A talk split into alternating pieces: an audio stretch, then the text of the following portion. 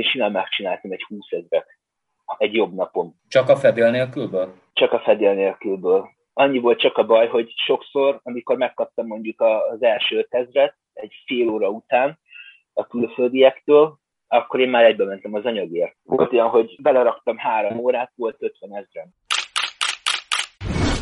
Egy beton pingpongasztal alatt élt másfél évig a nyolcadik kerületben, miután a közteresek elzavarták, a Kálvin térre ment, ahol az aluljáróban lakott majdnem öt éven keresztül. Kéregetett, aztán később fedél nélkül tárult. Akadt olyan nap, amikor a százezret is megkereste az újsággal, és olyan is, amikor csak 25-öt, de a pénz nagy részét mindig drogra költötte. A most 28 éves Geisz Gábor 13 évig volt masszív drogfüggő, ebből 7 évet hajléktalanként húzott le Budapesten. Ez itt a Selfie, a Szabad Európa podcastja. Pátori Róbert vagyok.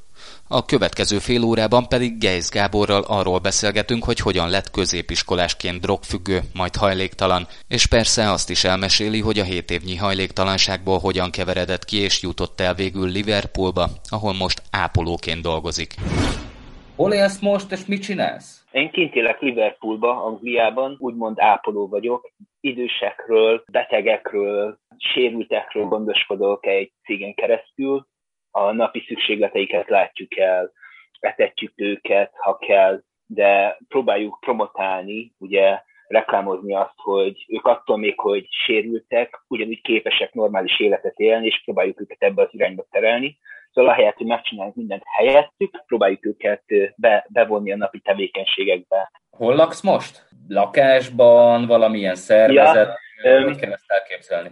Ugye én amikor kijöttem, én csatlakoztam egy keresztény rehabilitációs programba, ami 13 hónapig tartott nekem, általában ilyen 12 hónapig szokott tartani, de mivel a többiek kiestek menet közben, azért el kellett, el kellett halasztani a, a ballagásomat, és körülbelül a 9. hónapnál jártam, amikor elkezdtek visszaintegrálni engem a, a világba, és csatlakoztam egy kávézóhoz, ami könyvesbolt is egyben, és ők megtanítottak kávébaristanak lenni, és ott megismerkedtem a tulajjal, és nagyon jóba lettünk, és miután elvégeztem az otthon, és úgy éreztem már, hogy, hogy képes vagyok lábra állni, akkor beszéltem ezzel a menedzserrel, és megengedte, hogy ide költözzek. Neki van egy háza, amiben hatan lakunk jelenleg, ő, a felesége, és még négy másik a, a fia és három másik keresztény. Nagy boldogságban lakunk, együtt étkezünk, és segítjük egymást, minden tudunk, mindenkinek megvan a, a napi feladata, olyan, mintha egy, mintha egy, család, egy más, egy új családom lenne most. Ki vagy te? Honnan indultál? Milyen családból származol? Hogy lettél végül hajléktalan ember, aki a Calvin téren élt? Én egy olyan családból származom, ahol hát elvált, elvált szülők gyereke vagyok, de mindenki normális családomban, mindenki dolgos ember, példaértékű életet él, anyukámnak még van két lánya, akik a féltestvéreim, ugye a mostohapámtól, hogy igazából a családom az, az teljesen normális volt, én voltam a fekete bárány, úgymond. Én, engem a nagymamám nevelt föl, 14 éves koromban, amikor én eljöttem a, a nagymamámtól, visszamentem anyukámékhoz, én akkor elkezdtem tüvezni, elkezdtem később ugye spidezni, ecstasy, LSD, kokain, mentem fölfele ugye a, a, a ranglétrán, de hogy miért kezdtem el csinálni, őszinte leszek, kövér voltam. Nagyon kövér voltam, és mindenki emiatt... Cikizett? Csúfolt? Cikizett. Igen, és ugye tíz évesen engem megharapott egy kutya, nem tudom, hogy ezt itt most mennyire lehet látni, az sokkal csúnyább volt gyerekkoromban, egy milliméteren múlt, hogy a szememet elveszítsem, úgyhogy kövér voltam, helyes voltam, és még a mutáláson is kb. 17 évesen estem keresztül, szóval nagyon vékony volt a hangom is, úgyhogy próbáltam beilleszkedni, és mi a legegyszerűbb módja a beilleszkedésnek? Ugye a, a legegyszerűbb módja nekem az volt, hogy a rossz fiúkkal mozogtam. Nagyon megtetszett nekem, én ezt nagyon élveztem, nem tudom tagadni. A szüleim nem is tudták igazából, hogy, hogy narkózom, talán sejtették, de biztosan nem tudták, mert nem voltak jelei, hogy én, hogy én drogoznék, csak annyi, hogy magaviseleti problémáim voltak, hát ez mindig volt. Úgyhogy 19 éves koromban én elmentem kollégiumba, a 8. kerület Szilikállam kollégiumba. Minek készültél? Mi lettél volna, minden összejön akkor? Finom mechanikai műszerész. Nem szerettem, nem is akartam az lenni, de kellett valami szakmát választani, úgyhogy ide vettek föl lényegében. és soha nem végeztem el a kollégiumot, és a kollégiumban a szobatársam volt a dílerem, úgyhogy még rosszabb lett minden. Egyből az utcára kerültem, amikor kirúgtak az iskolából. Mit használtál, és mennyire voltál beállva mondjuk tanítási idő alatt? Inkább azt kérdezi, hogy mennyire nem voltam beállva, hogy 0-24 hét napon keresztül állandóan be voltam állva. Nem kellett semmi költenem rá, mivel hogy a szobatársam volt a dílerem, de hogy ugye neki is megér, én ezt úgy kompenzáltam, hogy én hoztam neki az ügyfeleket. A tanítási idő alatt én bementem, és hát én végigaludtam ugye az órákat, úgy be voltam állva, szünetekbe kimentem, szívtam a cigit, meg a füvet. A pedagógusok nem vették észre, hogy valami nem stimmel? Én voltam a diák, az, a kollégiumi diák önkormányzatnak az elnöke. Én nagyon jó voltam abban, hogy két kettős életet éljek a tanárok látták rajtam azt, hogy páradékony vagyok, de minden, mindenki ugye akkoriban jött be a biofű, akkoriban jött be a herbál, meg, a, meg az összes ilyen aljan, aljan drogok, és mindenki ilyen páradékony volt, mindenki bódult volt állandóan. Ez volt lényegében normális. Igen. Miért rúgtak ki? Hiányzások miatt. Volt vagy 300 igazolatlan hiányzásom. És a nagymamát tudott erről bármit? Vagy bárki sejtette a családból, hogy, hogy bajban vagy?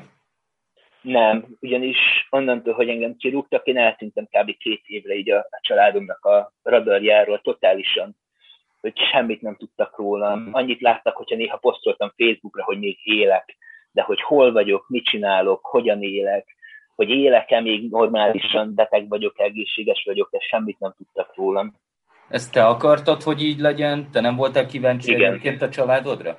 Szégyeltem magam, nagyon szégyeltem magam a családom előtt, a barátaim előtt meg ugye játszottam azt, hogy hú, de menő vagyok, nagyon jó minden, és ez, az, amit mondom, hogy kettős életet éltem. Amikor téged kirúgtak a kollégiumból, eltanácsoltak onnan, hova mentél, mit csináltál, kikkel voltál? Két-három évig nem tudott rólad a saját családod sem. Igen, az utcán voltam. Én mai napig emlékszem, hogy volt egy nagyon jó barátom, akit nem szeretnék néven nevezni, és ez a nagyon jó barátom próbált nekem segíteni, hogy, hogy életben maradjak, megtanított az alapjaira a kéregetésnek, amit mi úgy hívtunk, hogy tarhálás, és sokszor megengedte azt, hogy a szobájába aludjak, hogy, hogy ott lezuhanyozzak nála, hogy e, ez így kb. egy évig ment. Én úgy döntöttem, hogy én nem akarok e, semmi pénzt sem arra költeni, hogy, hogy én az utcáról fölálljak, hogy elmenjek albérletbe. Engem annyira megbabonázott a, a narkó és ez az életforma, hogy én ebben száz százalékig mentem bele. A jelenlegi barátnőm mindig mondja, hogy én szeretek hogy az extrémek között mozogni, hogy így a végletek között mozogni, vagy teljesen megyek bele, vagy sem ennyire. Hát sajnos én az narkóba teljesen belementem, és nem tudtam semmi jobbat, nem ismertem semmit, hogy, hogy milyen érzés az, amikor dolgozol, hogy megkeresed magadnak a pénzt, hogy képes vagy kifizetni a számlát, hogy milyen jó érzés ez, amikor a barátaiddal nem bekábulsz, és, és három órán keresztül világodról nem tudsz, hanem leültök mondjuk játszani egy táblajátékot, vagy megnéztek egy meccset együtt, vagy elmentek egy pubba és beszélgettek, hogy ezekről fogalmam nem volt, hogy vannak ilyen dolgok, el sem tudtam képzelni, mert én annyira be voltam szűkülve a látóköröm a narkóra. Milyen érzés egyik napról a másikra utcára kerülni? Mert ha jól értem, akkor itt ez történt. Tehát a barátodhoz néha felmehettél zuhanyozni, meg néha aludni, de alapvetően te, te mégiscsak az utcán éltél. Először én lépcsőházakban aludtam, mert hogy hideg volt, tél volt. Megmutatták a barátaim, akik hasonló cipőben voltak, hogy melyik lépcsőházhoz mi a kód és akkor én ott el fölmentem a hatodik, hetedik emeletre, mert normális ember éjszaka nem fog hat emeletet föl vagy lesétálni, hanem a liftet fogja használni persze. Akkor ott el voltam így egy darabig, de sajnos beengedtem másokat is, akik meg lehányak voltak, és akkor így kilettem dobva a lépcsőházból. Meg voltam lőve, hogy mit csináljak. Nagyon sokszor volt az, hogy majdnem halára fagytam az éjszaka. Nagyon sokszor volt az, hogy inkább nem aludtam, hanem egész éjszaka sétáltam. Hogy kerültél a Calvin térre? Ez a legviccesebb dolog az egészben, hogy én igazából az elején Tűzmillion Parkba, 9. kerület, Corvin negyednél, én ott voltam, vagy három évig. Az, az volt ugye az én parkom. Ez volt kettő darab pingpongasztal, amit betonból építettek. Én oda befészkeltem magam az egyik alá. Ha hiszed, ha nem, volt egy kétszer két méteres, kb.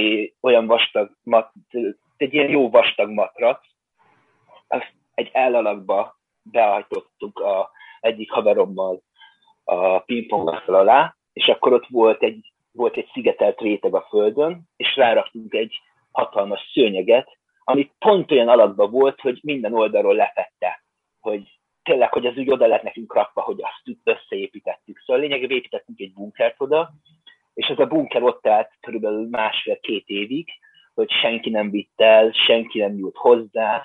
Nekem úgy az volt ott a kastélyom, hogyha így lehet fogalmazni, és én ott csináltam a napi dolgaimat, ott, ott anyagoztam, ott elbújtam, ott aludtam. Aztán egyszer csak egyik napról a másikra úgy döntöttek, hogy mivel, hogy én ott problémát okozok nekik, meg ugye sok drogos jár oda szemetelnek, meg ott voltak a cöppisek is, akik, akik szúrják, eldobálták a tűt, azt, azt soha nem szerettem. Egyszer csak lebontották onnan azt a kettő pingpongasztalt, elvitték. Akkor jött az, hogy oké, okay, most mit csinálok, elvitték lényegében a házamat, és akkor kaptam egy sátrat, én abban a sátorral mentem. Ugye a Dunaparton, Boráros tér, igen, uh-huh. a Dunaparton, a Boráros tér környékén állítottam fel ott a sátrat, én abban aludtam, de hát aztán folyamatosan küldték ki a közterületfelügyelőket, és ugye le kellett bontanom mindig a sátrat, és utána végül eljutottam a Calvin térre, ahol az aluljáróban meleg volt,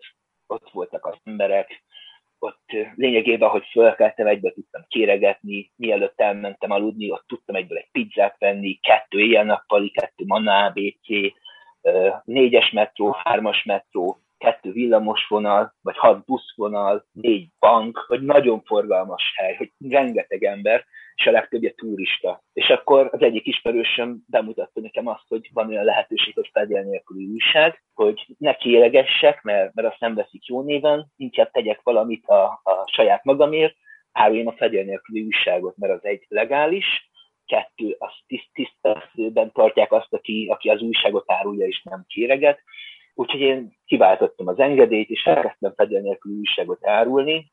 A turistáknak eladtam a magyar újságot, megtetszett nekik azt, hogy beszélek angolul, és voltak benne sokszor képek, amik tetszettek nekik. Rengeteg pénzt tudtam vele csinálni. Ez mit jelent, hogy rengeteg pénzt? Mennyit? Hát két óra alatt én simán megcsináltam egy 20 ezret egy jobb napom. Csak a fedél nélkülből? Csak a fedél nélkülből annyi volt csak a baj, hogy sokszor, amikor megkaptam mondjuk az első ezret, egy fél óra után a külföldiektől, akkor én már egybe mentem az anyagért. Volt olyan, hogy kis erő, erőt feszítettem, bele, beleraktam három órát, volt 50 ezeren. Volt ilyen, hogy egy ember adott nekem 100 ezret. Volt ilyen, hogy egy ember adott nekem 25 ezret.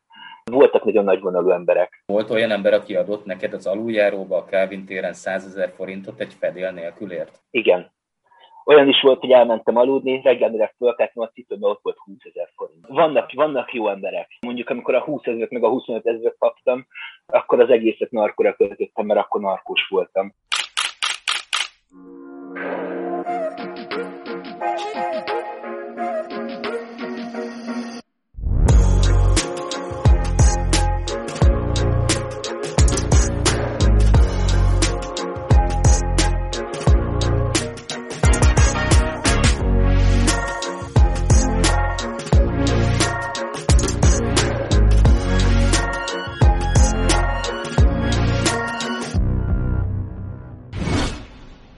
Folytatjuk a selfit itt a Szabad Európán, ahol az elmúlt percekben Gejsz Gáborral beszélgettünk arról, hogy tinédzserként hogyan és miért lett kábítószerfüggő. A férfi elmondta azt is, hogy a Calvin téri aluljáróban hogyan élt éveken keresztül úgy, hogy szinte minden fillérjét drogra költötte. Most pedig arról fogunk beszélgetni, hogy minden célját és emberi méltóságát elvesztett hajléktalan emberként hogyan indult el a Calvin téri aluljáróból Angliába, ahol már négy éve él, közben leszokott a drogról, és most éppen idős gondozóként dolgozik. Hogy keveredtél ki végleg ebből? Ugye ezt röviden elmondva a történet is hosszú, de a Calvin téren a fedél nélkül tárultam, jött egy szemveges alacsony srác, Kyle Newkerman, dél-afrikai, de itt dolgozott éppen Magyarországon, és oda mentem, hogy, hogy kérjek tőle pénzt, vagy eladjam neki az újságot, mondta, hogy ő nem ad pénzt, de vesz nekem egy pizzát. És akkor ott a sorban, amíg álltunk, ott mesélt nekem Jézusról, mesélt nekem arról, hogy meghalt a bűneimért, meg minden, és megkérdezte, hogy hiszek-e Istenben, mondtam, hogy igen, és megkérdezte, hogy mi a hobbim. Ha mondom, szeretem a számítógépeket. Ő egy webprogramozó. Nem mondom, az szép. Hogy nem érdekelne, hogy mondjuk megtanulni webprogramozni. És akkor befogadott lényegében az utcáról, hogy elkezdett tanítani nekem webprogramozást. Mit jelent, hogy befogadott az utcáról? Megengedte, hogy az irodájukat használjam, ahol volt egy zuhanyzó, hogy én oda menjek, és ott zuhanyozzak, ott tanuljam a webprogramozást. Később ténylegesen beengedett az életébe, bevett a, a lakásába, mert látta azt, hogy komolyan gondolom, hogy én letettem a narkót, és, ott hagytam mindent, és mentem, és csináltam a, a jót, a, a helyes dolgot. Fél évig teljesen jó volt minden, nem narkóztam, elkezdtem dolgozni, hogy jó volt, hogy éreztem, hogy bár transformálódok. És akkor visszamentem sajnos a barátaimhoz, hogy őket is evangelizáljam, elmondjam nekik Jézust, és ők nem hallgattak, és ugye a rossz társaság befolyásolja még a legjobb embereket is, visszaestem. És még rosszabb volt minden. Visszamentem az utcára, ott hagytam mindenkit, még a gyülekezettől is bujkáltam, hogy próbáltam, amikor elmentem a vasárnapi Isten tiszteletre, akkor próbáltam megérteni, hogy minden rendben van, de már nem volt minden rendben. És egy idő után teljesen el, el, megszakítottam velük a kapcsolatot, és ez így volt kb. még egy évig. A végén már egy prostituáltal voltam kapcsolatban, hogy tényleg hivatásos prostituált volt, és akkor döntöttem úgy, hogy ennek véget kell vetni, én ezt nem bírom tovább, milyen bolond vagyok, hogy én ezt az egészet már megint ott hagytam azt a jót, ami volt, és miért nem, miért nem mentem azzal tovább. És felkerestem a, a pásztort, aki egy amerikai pásztor, de Magyarországon volt egy gyülekezete, és mondtam neki, hogy szeretnék elmenni egy 12 lépéses programra, és ragaszkodott hozzá, hogy nem, neked egy keresztény programba kell elmenni, bízzam rá. Este tízkor beszéltem vele, másnap reggel már elintézte azt, hogy hova mehettek, hogy mennyibe fog kerülni, hogy mi kell ahhoz, hogy kimenjek. Este kijött a Calvin térre, és mondta, hogy figyelj, ha komolyan gondolod, itt a lehetőség, gyülekezet összerakta neked a pénzt, itt van a repjegyre a pénz, megveszik neked az útlevelet, a személyit, ami kell, és küldünk ki téged Angliába. Elintéztük az útlevelet, eljöttek velem apukámhoz, meg nagymamámhoz, hogy elbúcsúzzak tőlük, még mielőtt megyek ki Angliába. Amikor megvolt az útlevél, akkor megvette nekem a gyülekezeti vezető a repjegyet, átküldte nekem az adatokat, és még kikísértek a reptérre. A reptére meg már itt volt a, a az otthonnak az igazgatója, ők vettek föl, és vittek egyből az otthonba. Ahol mi történt? Ez egy 12 hónapos program általában. Van egy struktúra, reggel fölkelünk, 6 órakor kávézunk, csendben olvassuk a Bibliát, aztán együtt olvasunk egy-egy ige szakaszt a példabeszédekből, utána egy ige szakaszt a Zsoltárokból, amíg végig, vegyünk sorban, amíg végig nem megyünk az adott fejezeten. Ez volt a reggeli struktúra, és nap folyamán mindig más programok voltak. Vagy mentünk a gyülekezetbe, és megtanultunk tanultunk dolgokat a Bibliáról, tanultunk dolgokat a vallásról, más vallásokról tanultunk. Ők miért érezték azt fontosnak, hogy téged elküldjenek Angliába, a Calvin téri aluljáróból? Hogyha én elmentem volna mondjuk akármelyik rehabra, Budapesten, az első alkalommal, amikor azt mondják, hogy te ezt nem csinálhatod, én belázadok, és ott hagyom. És kísérhetek az ajtón, és legrosszabb esetben három óra alatt megint ott vagyok a Calvin téren, mintha mi sem változott volna.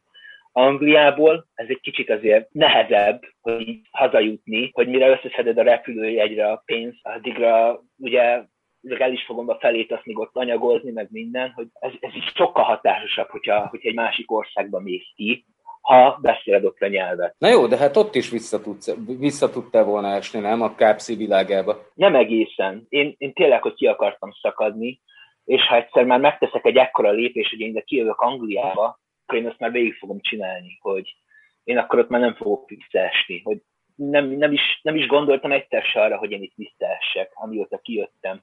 Én az utolsó cigarettámat is a reptéren Budapesten szívtam el, a Budapesten, tehát a Ferihegyi reptéren szívtam el az utolsó cigimet, azóta én semmit, én elköteleztem annak, hogy én, én nem megyek vissza abba, abba az élet stílusban be voltam. Mennyi idő telt el, hogy te önálló életet élj ott kint Angliában? Három, három éve volt 20-án januárban ez lesz a negyedik évem, tisztán, dolgos emberként. Kilencedik hónapnál elkezdtek visszaintegrálni ugye a való világba. Onnantól, hogy elballagtam, már volt egy, egy állandó munkahelyem, de még mindig a gyülekezetnek a, a védelme alatt voltam.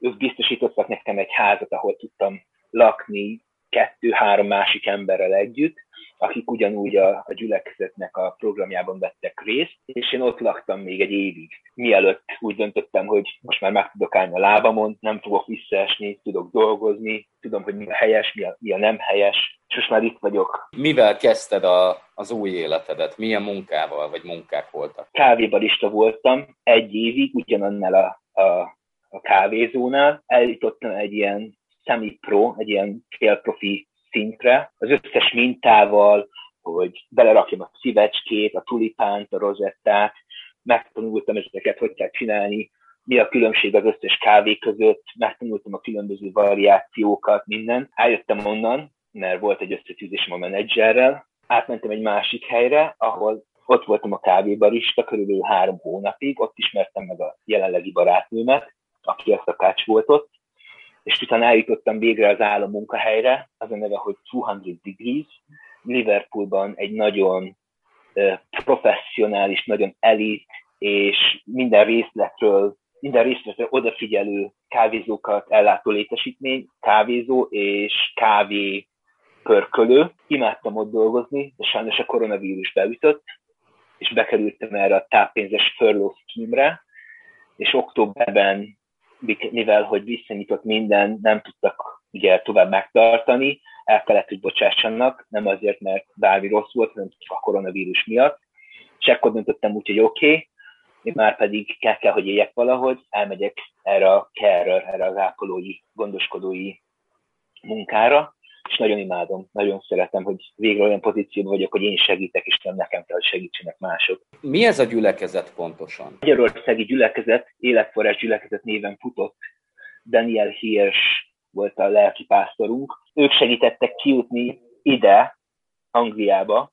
Victoria Outreach ennek a gyülekezetnek a neve. Ez egy világszintet lefedő szervezet. Amerikából indult ez is, a megalkotó pásztor, szóval, hogy a, aki elkezdte ezt az egészet, az ő neve Sony Argunzini, egy heroin, heroin függő volt. Ő meg akarja mutatni a, a többi drogosnak, hogy van, van megtérés ebből. De mivel, hogy rengeteg drogos volt az ő gyülekezetében, azért a többi gyülekezet nem nagyon szerette őt, és elkezdte a saját gyülekezetét megalkotni, a Victoria Outreach. Szóval most Amerikában, Angliában, Németországban, Afrikában, Hollandiában, hogy rengeteg helyen vannak ilyen programjaik, ahova mehetnek a, a drogosok, hajléktalanok. Mi a terv? Kint maradsz, vagy egyszer hazajössz? Látogatóba hazamegyek persze. A terv az az, hogy ha lehet, jövőre szeretnék úgy állni, hogy a mínuszból átkerülni pluszba megint, és elkezdeni gyűjtögetni, hogy elkezdhessek egy fizioterapeutai egyetemet itt Angliában, és ez egy három éves kurzus, nem tudom, hogy mennyibe kerül, mert még nem volt merszem megnézni az árát, valami horribilis összeg lesz biztos, és hogyha én azt elvégeztem, akkor én szeretnék Angliában a barátnőmmel családot alapítani, megházasodni, összeköltözni, nem ebben a sorrendben, és szeretnék továbbra is másoknak segíteni, hogy, hogy helyreálljanak. Jelenleg van egy kliensem, akire, aki, akiről gondoskodok, és nagyon tetszik az, hogy látom, látom a, a folyamatot, ahogy, ahogy fejlődik. Nem oszthatok meg semmit róla, mert le vagyok védve ö, ö, szerződésileg, annyit elmondhatok, hogy, látom azt, hogy ahogy fejlődik, és hogy boldogabb, és erősebb, és, és ez egyfajta olyan örömet ad nekem, hogy, hogy akarom csinálni. Úgyhogy én erre akarok majd ráállni, hogy összejön a pénz, és hadd szóljon. Ez volt a Selfie, a Szabad Európa podcast sorozata. Jövő héten újra jelentkezünk. Bátori Róbertet hallották. Köszönöm figyelmüket.